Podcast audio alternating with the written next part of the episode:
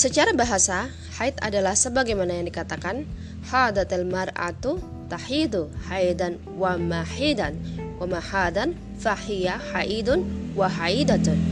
Artinya, seorang wanita telah haid, sedang haid dan sedang terkena haid, maka dia disebut wanita yang sedang haid.